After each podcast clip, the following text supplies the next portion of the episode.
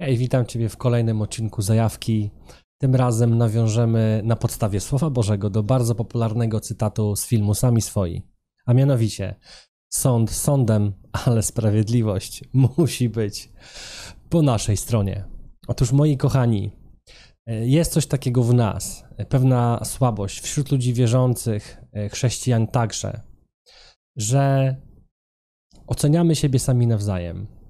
Czasami naginamy y, nasze teorie, y, nasze objawienia, zrozumienie Słowa Bożego innym na uszy, twierdząc, że to jest jedyne objawienie i to jest to jedyne prawdziwe.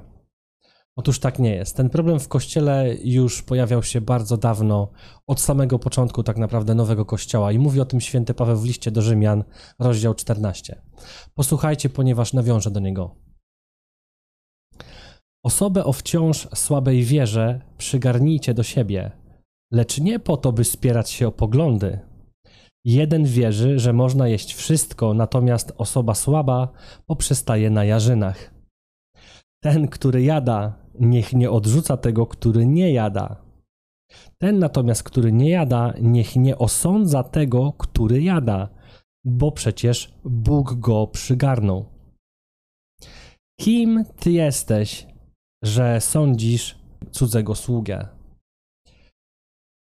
Moi drodzy, ten filmik tak naprawdę wziął się stąd, że dostałem informację, e, zresztą nie po raz pierwszy, w miarę regularnie e, jakiś mój znajomy, czy, czy ktoś, kogoś znam w Chrystusie, pisze do mnie, czy dzwoni do mnie i pyta się, słuchaj, co myślisz na ten temat?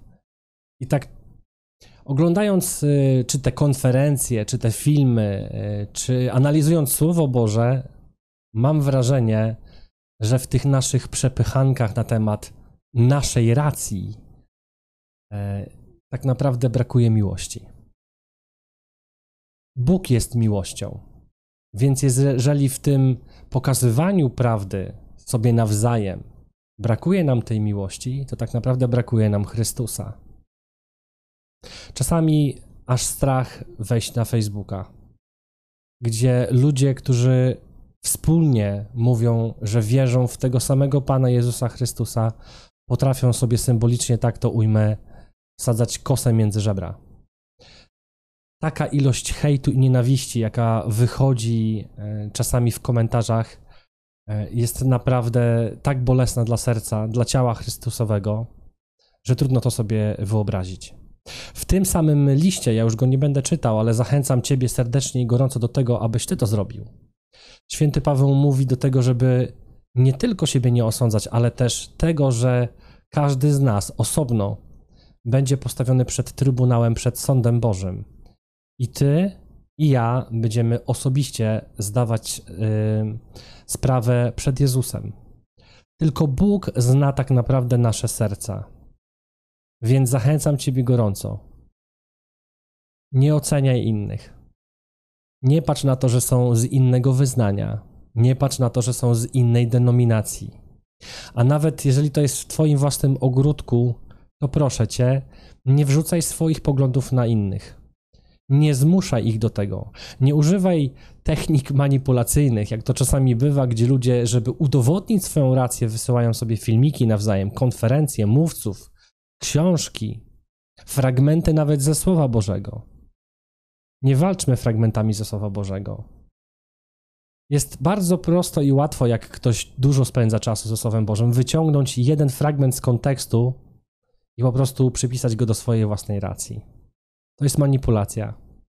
Zachęcam Ciebie do tego, aby nie walczyć z drugim, nie walczyć z bratem i z siostrą na fragmenty Słowa Bożego, na konferencję, na te, teologię. Oczywiście wszyscy musimy się zgodzić w pewnych fundamentalnych prawdach. Oczywiście, że tak, ale to nie jest film o tym. Mówię o tych wszystkich sytuacjach, gdzie ktoś potrafi wrzucić jakiś artykuł, ponieważ ma na to ochotę i nagle z jakiejś przyczyny po prostu odbywa się jeden wielki publiczny lincz. Proszę Ciebie, apeluję do Twojego serca. Miłuj swojego brata, i miłuj swoją siostrę.